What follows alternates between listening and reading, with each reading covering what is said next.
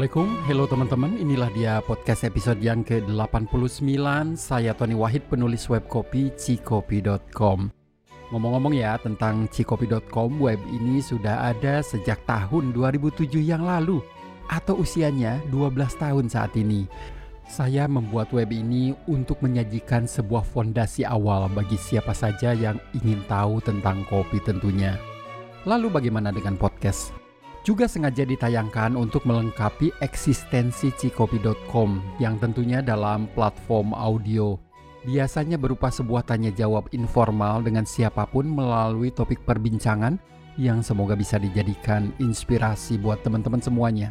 Kali ini dalam tayangan ke-89 saya akan menampilkan sebuah perusahaan sewa menyewa alat untuk kebutuhan hotel, kafe, dan tentunya coffee shop. Kadang ya, kita suka bingung bila ingin langsung membeli sebuah alat. Misalnya saja mesin espresso. Tentunya banyak spesifikasi teknis yang tak semua dari kita paham dan apakah cocok dengan kebutuhan yang kita inginkan. Untuk menyiasati itu ada sebuah perusahaan yang namanya Jagoan Sewa. Dan kita bisa meminjam dulu alat-alat yang kita butuhkan sehingga nanti kita bisa langsung menggunakannya dan melihat apakah alat itu sudah cocok dengan kebutuhan usaha yang akan kita lakukan. Sebelum menyesal membeli sebuah alat kopi misalnya, pengguna bisa langsung tahu bagaimana performa alat yang akan digunakan dalam bisnis itu nantinya. Tentunya saat ini tak semua alat kopi bisa disediakan, hanya ada beberapa pilihan saja. Maklum mereka masih berusia tiga tahunan, tapi ke depannya semoga jagoan sewa bisa lebih banyak menyediakan pilihan alat kopi untuk disewakan.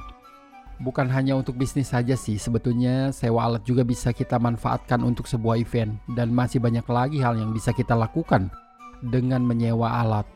Bisnis itu simple, masalah buat lo, bisnis buat gue. Gitu kali filsafat yang digunakan oleh jagoan sewa. Teman-teman sekalian, inilah dia podcast episode yang ke-89. Nora, saya Tony Wahid dari cikopi.com. Percakapan ini akan kita buat podcast tentunya tentang usahanya. Di samping saya sudah ada teman baik saya, namanya adalah Mas Rama. Beliau juga sudah pernah sewa di sini nyatanya. Ya. Oh, Halo okay. Mbak Nora. Halo. Iya gitu. Jadi nanti kita mau berbincang-bincang nih tentang oh, iya, boleh. bisnisnya. Saya melihat bagaimana ini adalah sebuah langkah yang sangat-sangat kreatif banget ya. Sewa-sewa alat-alat hotel, restoran, dan coffee shop utamanya nih. Boleh nggak diceritain awal mulanya membuka usaha ini? Mangga, silakan. Oke, mm -mm. baik. Jadi uh, untuk rental ini sendiri kita buat itu karena berdasarkan masalah dari problem sendiri nih yang dialami sendiri gitu. Jadi uh, sebelumnya saya sendiri juga pebisnis kuliner. Nah, uh, pernah satu kejadian itu waktu itu memang ada kendala ya di mesin mesin es krim kami. Nah, pada saat kita sedang uh, berjualan, tiba-tiba mesinnya bermasalah. Nah, pada saat kita mau request teknisi ke pihak pabriknya, itu butuh waktu satu minggu. Nah, sementara kalau untuk mesin es krim ini kan cukup lumayan nih harganya. Kalau misalkan kita hanya menunggu uh, satu minggu, kemudian kita harus adakan unit baru untuk pemakaian selama satu minggu itu dirasa sangat sayang sekali gitu karena harganya sendiri pun uh, puluhan juta ya kalau untuk mesin es krim ini gitu. Nah kemudian uh, kita coba searching searching apakah ada yang bisa uh, sewain mesin es krim ini kurang lebih selama satu minggu. Ternyata pas kita cek itu nggak ada nih yang bisa sewain. Nah, di situ saya merasa uh, kalau misalkan ada nih jasa sewa seperti ini, mungkin bisa membantu mereka satu mungkin yang uh, sedang mengalami kendala mesin seperti saya, Kemudian yang kedua, kalau misalkan mereka mau membuka usaha tapi mereka terkendala di budget, mereka bisa pakai opsi sewa dulu seperti itu. Nah, biasanya customer kami pun seperti itu. Jadi mereka pada saat awal buka usaha, mereka akan coba test trial dulu istilahnya. Mereka mau racik uh, menunya seperti apa, resepnya seperti apa, mereka akan coba tes dulu. Kalau misalkan uh, resepnya oke, mereka mau lanjut jualan, mereka tinggal jalanin kalau misalkan ada yang terkendala, misalkan tadinya optimis dapat resep yang oke, okay, ternyata setelah trial mereka gagal, kemudian mereka mau beralih ke menu yang lain, itu juga ada yang seperti itu. Jadi mereka nggak akan banyak habis duit di uh, investasi alat yang kemudian tidak terpakai nantinya ah, seperti itu. Jadi memperkecil resiko juga ya, Mbak ya? Iya betul. Iya, tahu Nah, gitu dari kemudian- dulu tuh. Uh-uh. Pas saya buka kozi ya, pinjam sewa dulu tuh nggak ada sih dulunya.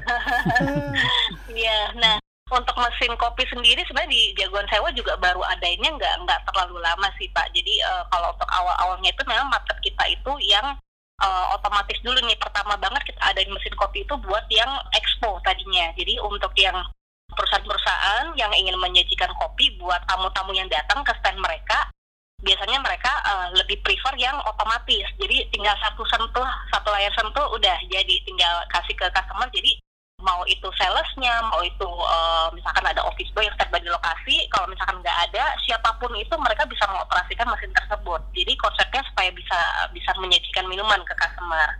Nah kemudian setelah eh, kita adain mesin kopi itu ternyata permintaannya malah untuk yang eh, coffee shop. Jadi eh, mulai dari yang mesin espresso yang eh, kecil-kecilan dulu gitu. Jadi mulai kita ada itu baru eh, bulan lalu sebenarnya, bulan lalu atau satu setengah bulan lalu sebenarnya untuk yang eh, mesin espresso.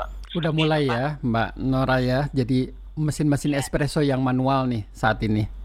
Iya betul, yang DeLonghi sekarang ini yang kita sewakan. Jadi eh, ke depannya sih kita masih melihat eh, permintaan pasar seperti apa. Kalau misalkan memang permintaannya cukup banyak, tidak menutup kemungkinan kita akan tambah varian lainnya ke depannya seperti itu, Pak. Mungkin itu yang saya inginkan juga. Akan lebih banyak lagi nih mesin kopinya nih nanti ke depannya. Maklum kan Mbak Nora, mahal-mahal. Mesin kopi kan ada yang sampai seharga mobil Avanza ya Rama ya. Betul. Nah, benar, benar. Jadi harga mesin itu sebenarnya eh, dari segi fungsi ya kelihatan sama, tapi beda merek itu eh, kalau orang yang ngerti kopi tuh eh, ngerti tuh. Maksudnya eh, yang merek ini sama merek ini beda nih, eh, Iya. rasanya beda. Terus Iya. cara pemakaiannya ada juga tipe customer yang lebih prefernya itu pokoknya saya maunya yang pakainya gampang deh biar training ke karyawannya nggak ribet seperti itu. Jadi tergantung dari kebutuhan masing-masing klien juga sih nantinya seperti itu Pak. Oh, ini baru ada di Jakarta ya, Mbak? Nora. Ya untuk Jakarta, tapi saat ini kita sih bisa cover untuk eh, pengiriman Jabodetabek. Kalau untuk area Bogor itu beberapa area masih tercover. Oh, oke. Boleh dijelasin nggak Mbak Nora kalau seandainya untuk mesin kopi yang ada kayak Deleng Delonghi berapa Iya. harganya, apa prosedurnya, prosesnya bagaimana kalau ada temen yang mau sewa di tempat Raja Sewa. Ya, oke. Iya. Kalau untuk prosedur penyewaan sendiri di kita sebenarnya sangat simpel. Jadi eh, customer itu tinggal telepon ataupun dia bisa by WhatsApp, tanya cek stoknya dulu. Misalkan eh, butuh tanggal sekian sampai tanggal sekian, apakah stok ini ada ter- eh, ada atau tidaknya. Jika tersedia, nanti biasanya eh, customer tinggal info alamat pengirimannya kira-kira di mana. Nanti dari CS kami akan bantu cek ongkirnya terlebih dahulu. Kemudian kita kasih estimasi biayanya seperti ini. Kalau misalkan dari customer oke, mereka tinggal proses payment dengan eh, tambahan deposit. Kemudian setelah payment, eh, unit kita blocking dari customer hanya perlu dokumennya itu eh, kita hanya butuh KTP atau SIM atau eh, kartu identitas lain. Yang penting ada dua dengan nama yang sama. Nah, kalau misalkan untuk penyewanya dari eh, pihak corporate atau misalkan dari perusahaan, berarti eh, tidak melampirkan KTP tidak masalah. Kita hanya butuh satu eh, apa namanya dokumen legal, misalkan NPWP perusahaan ataupun NIB perusahaan seperti itu. Jadi kita nggak ada proses survei lagi. Memang kita eh, based on trust aja. Kalau misalkan unit eh, unitnya tersedia, kita kasih detail payment.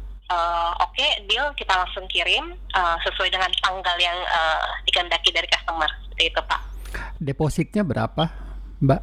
Deposit kalau kita sih per item itu masing-masing eh, berbeda-beda ya Pak ya. Nah Mulai, kalau hmm. mesin, mesin kopi tersendiri, kalau untuk mesin kopi Getra yang eh, tipenya otomatis itu depositnya itu 800 ribu per unitnya Pak. Oke banget dong ya. Jadi nanti buat teman-teman nih, nanti yang dengerin podcast ini sebelum membeli mesin yang jutaan itu bisa dicoba Iya. dulu nih di sini ya, sewa ya Rama ya. Iya, tes pasar Kalau untuk dulu. yang DeLonghi sih saya cek ini kalau untuk depositnya eh, masih di harga 500 ribu untuk yang masa sewa harian atau mingguan Pak. Gitu. Oh, oke. Tahu nggak saya kenapa ngajakin podcast? Saya tuh lagi cari mesin DeLonghi. Pas kebetulan ya nempel di sini, eh kayaknya ini asik nih buat diajakin podcast. Gitu Mbak Nora. boleh tuh Pak. Eh, kalau misalkan ada rencana mau cobain dulu, jadi ada juga kadang eh, kayak customer tuh begini Pak. Misalkan mereka masih galau nih, mau pakai merek A atau pakai merek B. Nah, kalau misalkan mereka ragu, mereka mau coba dulu, ya bisa tes sewa mungkin sewa tiga hari, sewa tujuh hari buat uh, buat membandingin produk seperti itu. Bisa ya itu tentu ya Mbak Nora dan harganya juga kalau saya lihat ini bukannya promosi ya, memang sangat Iya. kompetitif. Iya, kalau untuk belongke ini saya cek kalau untuk pemakaian satu hari sampai tiga hari eh, harganya di tiga ratus ribu. Jadi eh, misalkan satu sampai tiga hari itu artinya apa? Jadi pemakaian satu hari ataupun pemakaian tiga hari itu harganya tidak usah dikalikan jumlah hari. Jadi Wah. kita memang harganya per paket kita sebutnya. Wah, murah banget.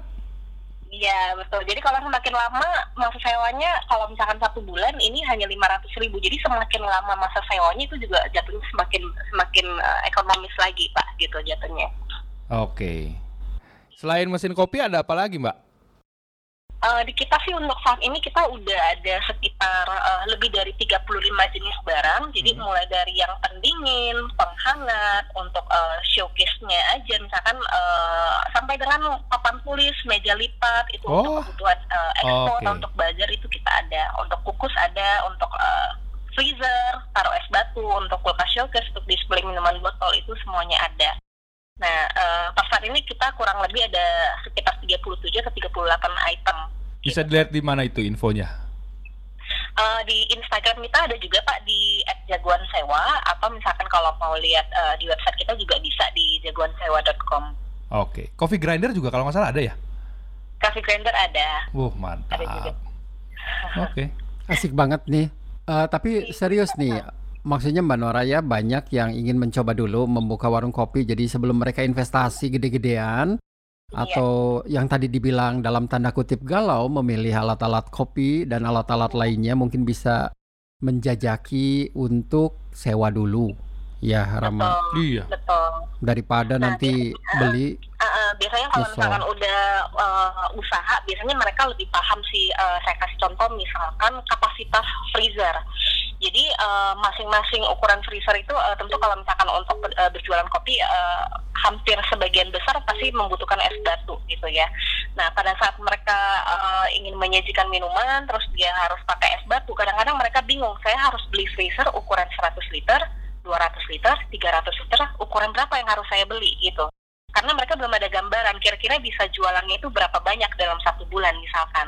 Nah, eh, misalkan kejadiannya customer sudah membeli yang ukuran 100 liter contoh. Ternyata pada saat jualan, eh ternyata eh, 100 liter ini kurang, harusnya ukurannya lebih besar. Sementara kalau untuk freezer itu kan beli eh, ukuran lebih bes- eh, lebih besar sekaligus di awal kan jatuhnya lebih ekonomis dibandingkan membeli ukuran kecil lebih dari satu unit. Seperti tepat, itu hitungannya. tepat. Ya, Heeh. Nah, sedemikian juga sebaliknya, ada yang misalkan sangat optimis, mereka bakal menjual sangat banyak sekian-sekian, perhitungan mereka sudah ada eh, estimasi sekian-sekian, ternyata pada saat penjualan realnya itu ternyata tidak sesuai dengan ekspektasi. Misalkan mereka pada saat awal usaha sudah membeli freezer ukuran yang 300 liter, eh ternyata pada saat dijalankan ternyata yang ukuran 100 liter saja cukup ya, seperti itu. Jadi kalau dengan menyewa mereka istilahnya masih trial-trial masih meraba-raba kira-kira ke mana nih untuk eh, arah marketnya ke mana kemudian seberapa banyak mereka bisa jualan dalam satu bulan ukuran yang tepat untuk usaha mereka itu untuk saat ini seperti apa jadi mereka lebih baik menyewa dulu setelah menyewa bisa diamati kebutuhannya seperti apa nanti kalau misalkan cash flow bisnisnya sudah jalan udah udah lancar mereka tinggal beli lagi untuk unit mereka sendiri seperti itu Mbak Nora ini bagus banget ya presentasinya lancar tanpa jeda loh. Enggak lah Pak, ini berdasarkan dari customer kita aja sih Pak, kita sharing aja. Iya. Saya aja bisa sampai manggut-manggut loh Eh, tadi. eh, ngedengerinnya. Iya, luar biasa ini jualannya. Tapi buat teman-teman nanti jangan lupa bahwasanya akun IG-nya adalah @jagoansewa yang bisa dilihat ya Iya. alat-alatnya segala macam juga. Iya. Tapi nanti ke depannya nih Mbak Nora, apakah nanti akan juga ada ekspansi alat kopi kan banyak banget ya jenis-jenisnya. Iya. Nanti mungkin ke depan ada merek lain atau peralatan lain juga di kopi gimana nih Mbak? Iya, eh, pasti sih Pak kita akan ngelihat eh, dari permintaan market juga Pak. Kalau misalkan eh, permintaan yang cukup banyak, apalagi kan sekarang ini kan lagi booming banget ya untuk bisnis minuman kopi ini gitu. Jadi kita akan tetap eh, mempelajari kira-kira kebutuhan market itu eh, lebih ke mana. Nanti eh, kalau misalkan kita eh, lihat, oh kira-kira misalkan eh, merek ini permintaannya banyak nih. Nah, eh, tidak menutup kemungkinan akan kita adakan ke depannya seperti itu Pak. Oke. Ditunggu, Mbak. Iya. Oke. iya. Tadi kan bisnis nih sebelum membuka ini, bisnisnya gimana saat ini Mbak Nora? Masih dijalankan atau konsen di konsentrasi di bisnis ini aja? Oke. Nah, sebelumnya ini memang saya ada di bisnis kuliner yang lain juga. Cuman memang pada saat peralihan ke jagoan sewa ini, unit-unit yang tadinya saya punya banyak, contoh misalkan eh, untuk usaha saya sebelumnya saya punya 7 freezer, itu yang tadinya dipakai semua. Kemudian pada saat tiga tahun lalu saya sudah mulai lebih fokus ke anak istilahnya, jadi saya udah mulai tidak tidak eh, menjalankan bisnis itu lagi. Nah, eh, itu relate juga nih Pak ke bisnis jagoan sewa nih. Kenapa sih bisa tiba-tiba ada jagoan sewa dan item pertama yang disewakan itu adalah freezer? Karena itu kita eh, memanfaatkan apa yang ada dulu. Jadi eh, bisnis jagoan sewa ini juga jalan bukan dengan modal yang besar segala macam, tapi memanfaatkan apa yang ada. Jadi eh, ceritanya sudah punya tujuh freezer di awal nih Pak sebelum ada jagoan sewa. Jadi karena kita sudah tidak eh, tidak eh, melanjutkan lagi untuk bisnis kulinernya, apa yang ada freezer 7 unit yang pertama kali saya punya itu akhirnya dialihkan ke jagoan sewa seperti itu. Jadi dimulai Jadi dulu untuk ya, kecil-kecilan ya. Ke ini permintaan pasar di jagoan sewanya untuk Oke. rentalnya saja. Kalau dalam perbandingan ini untuk persewaan, kebanyakan pada saat ini sesuai dengan bisnisnya banyak di coffee shop atau masih ke kafe eh restoran? Oke, kalau untuk bisnis jagoan sewa sendiri pada saat pertama sekali kita running itu sekitar tiga tahun lalu boleh dibilang itu permintaan marketnya itu 80% sampai 85% itu adalah dari individual individual itu dalam arti mereka UKM. Jadi misalkan mereka buka uh, tempat makan kecil-kecilan, tapi bukan kafe yang uh, apa namanya berbadan hukum ataupun kafe yang memang udah wah itu enggak. Jadi memang kebanyakan itu mereka yang masih trial gitu loh. Kemudian uh, marketnya itu untuk bazar. Nah, 15 persennya itu untuk expo. Tapi setelah kita jalan kurang lebih 2 sampai 3 tahun ini uh, ada sedikit shifting market. Jadi kurang lebih sekarang ini untuk market individual mungkin sekitar 60 sampai 65 persen. 35 persen itu adalah dari perusahaan, dari kantor gitu. Jadi mereka yang menyewa untuk uh, expo, mereka yang menyewa untuk kafe, bahkan kafe yang baru dibuka pun yang uh, lokasinya misalkan di mall itu ada juga yang menyewa. Nah, bukan mereka tidak punya budget untuk membeli unit. Cuman kadang-kadang tuh kendalanya seperti ini. Misalkan mereka sudah order uh, pembelian unit, sekian unit untuk didatangkan di tanggal pembukaan mereka uh, H- berapa itu unit sudah harus datang misalkan. Kemudian ternyata ada sedikit delay dari suppliernya untuk pengiriman barang, sementara kan bisnis harus tetap running. Nah, opsi sewa yang mereka pilih untuk uh, membackup unit selama unit yang mereka beli ini belum datang ke restoran mereka. Kemudian yang dipakai oleh perusahaan-perusahaan atau restoran ini adalah pada saat peak season. Peak season itu artinya begini, pada saat lebaran itu banyak supplier es batu, supplier daging, supplier sayur-sayuran itu semuanya pada libur. Nah, sementara kalau di mall atau di tempat makan, justru pada saat li- eh, libur lebaran itu adalah masa peak seasonnya mereka. Karena banyak eh, ART yang pada mudik, ba- banyak yang malas untuk masak di rumah, mereka pada makan di luar semua. Di mall mau itu makanan berat atau mau eh, jajanan itu semuanya rame. Nah, kendalanya adalah pada saat mereka eh, mau beli bahan ya, mau beli es batu, mau beli apa namanya daging atau apa, itu supplier pada tutup. Akhirnya mereka harus melakukan stok barang satu minggu sebelum suppliernya libur. Nah, Iya. pada saat menghadapi kondisi seperti ini, mereka kalau misalkan mau beli unit itu sayang kalau misalkan hanya dipakai selama libur lebaran. Karena setelah libur lebaran pasti eh, Balik lagi semuanya ya. ini akan iya akan kembali ke normal kembali. Nah sayang kalau misalkan sudah beli unitnya tapi hanya dipakai satu tahun sekali dan itu cukup memakan space. Jadi eh, kalau untuk dari pihak eh, restoran atau dari kantor biasanya mereka juga menyewa pada saat peak season seperti yang saya mention tadi gitu kan. Mbak Nora ini pinter banget ya. Masalah buat lu, bisnis buat gue. gitu kali. Ya, Itu bisnis paling menguntungkan sebenarnya, menyelesaikan masalah orang. ya itu prinsipnya. Yang penting kita bisa membantu sih Pak. Tentu itu kan membantu dan sekali lagi buat teman-teman silahkan melihat harganya yang cukup kompetitif. Kalau gue lihat ya dari perbandingan beberapa tempat yang lain, Mbak Nora ini pinter banget mengambil celah nih bisnis nih.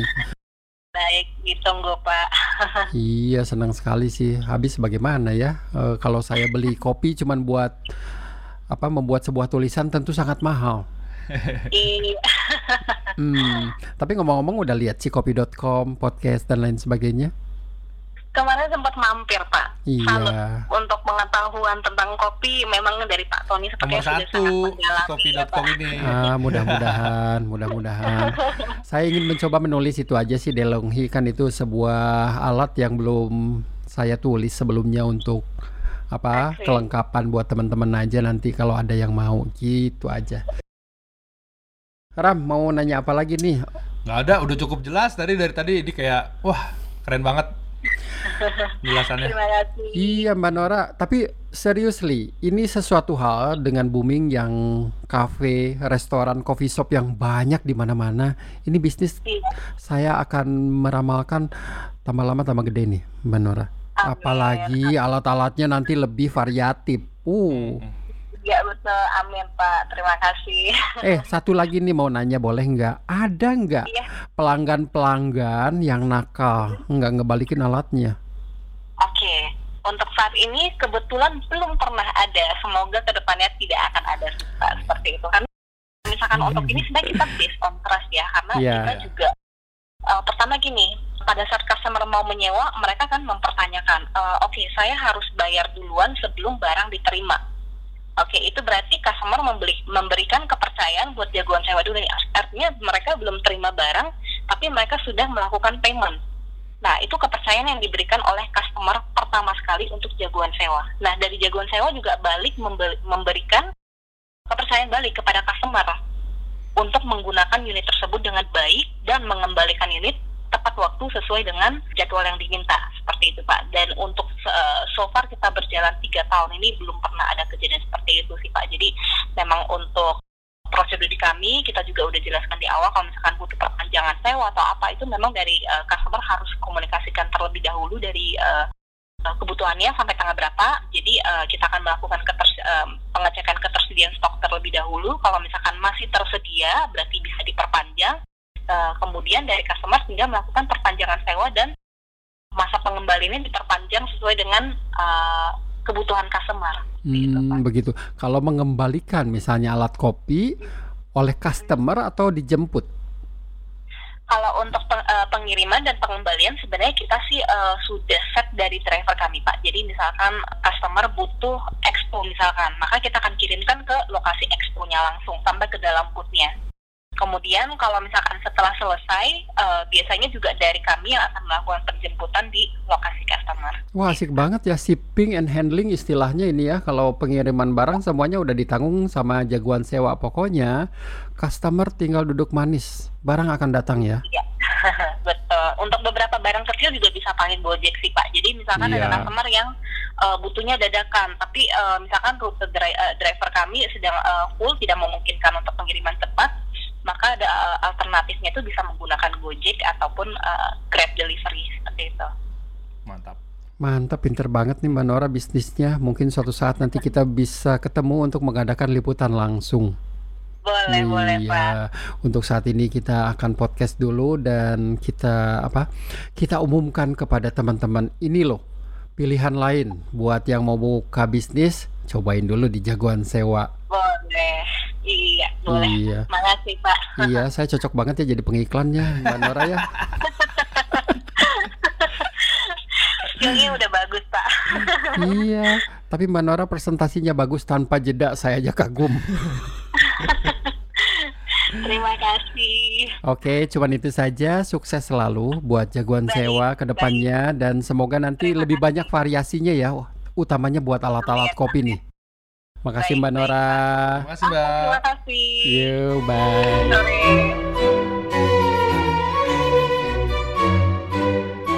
Teman-teman sekalian, sekian dulu podcast episode yang ke-89 dan jangan lupa untuk selalu menantikan episode-episode lainnya di Spotify maupun iTunes.